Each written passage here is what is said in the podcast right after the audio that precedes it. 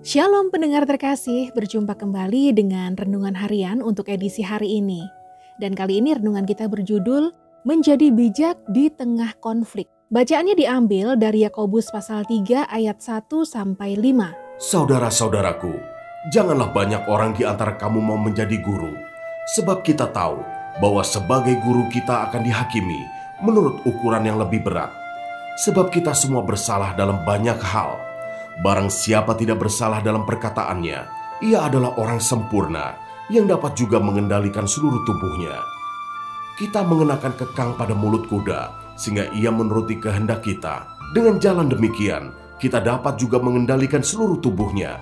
Dan lihat saja kapal-kapal, walaupun amat besar dan digerakkan oleh angin keras, namun dapat dikendalikan oleh kemudi yang amat kecil menurut kehendak jurumudi.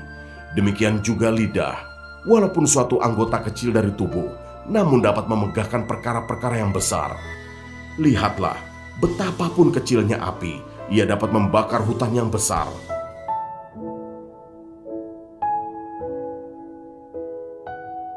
Saudara-saudaraku, janganlah banyak orang di antara kamu mau menjadi guru, sebab kita tahu bahwa sebagai guru kita akan dihakimi menurut ukuran yang lebih berat. Yakobus pasal 3 ayat 1. Pendengar yang dikasih Tuhan, guru dan rabi merupakan sebutan yang terhormat untuk pengajar di kalangan orang-orang Yahudi dan juga menunjukkan bahwa mereka adalah orang-orang yang berpendidikan karena telah melalui dan lulus belajar di sekolah teologi Yahudi selama 10 tahun secara formal. Namun jika kita mencermati pasal 3 ayat 1, bagian ini nampaknya bukan berbicara mengenai seorang pengajar, tetapi Yakobus memberikan nasihat kepada jemaat Tuhan yang sedang dalam konflik menghadapi kesenjangan ekonomi, supaya tidak merasa hanya pemikirannya lah yang paling benar. Orang yang merasa dirinya paling benar biasanya memiliki kecenderungan akan merendahkan orang lain, sehingga perkataannya mudah melukai perasaan orang-orang yang ada di sekitarnya. Yakobus juga mengingatkan bahwa semua manusia berdosa, sehingga mereka sangat mudah melakukan kesalahan, salah satunya dalam hal perkataan. Oleh karena itu, di tengah-tengah konflik yang sedang terjadi, setiap pribadi harus menjadi bijak dengan cara mengendalikan perkataan mereka.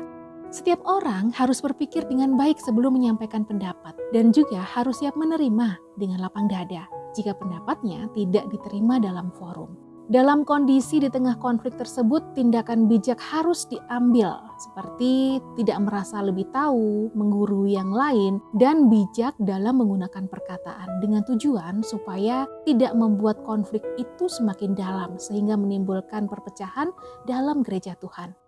Pendengar terkasih, Kiranya kita menjadi manusia yang bijak terutama dalam menggunakan lidah ini. Seseorang bersuka cita karena jawaban yang diberikannya dan alangkah baiknya perkataan yang tepat pada waktunya. Amsal 15 ayat 23. Tuhan Yesus memberkati.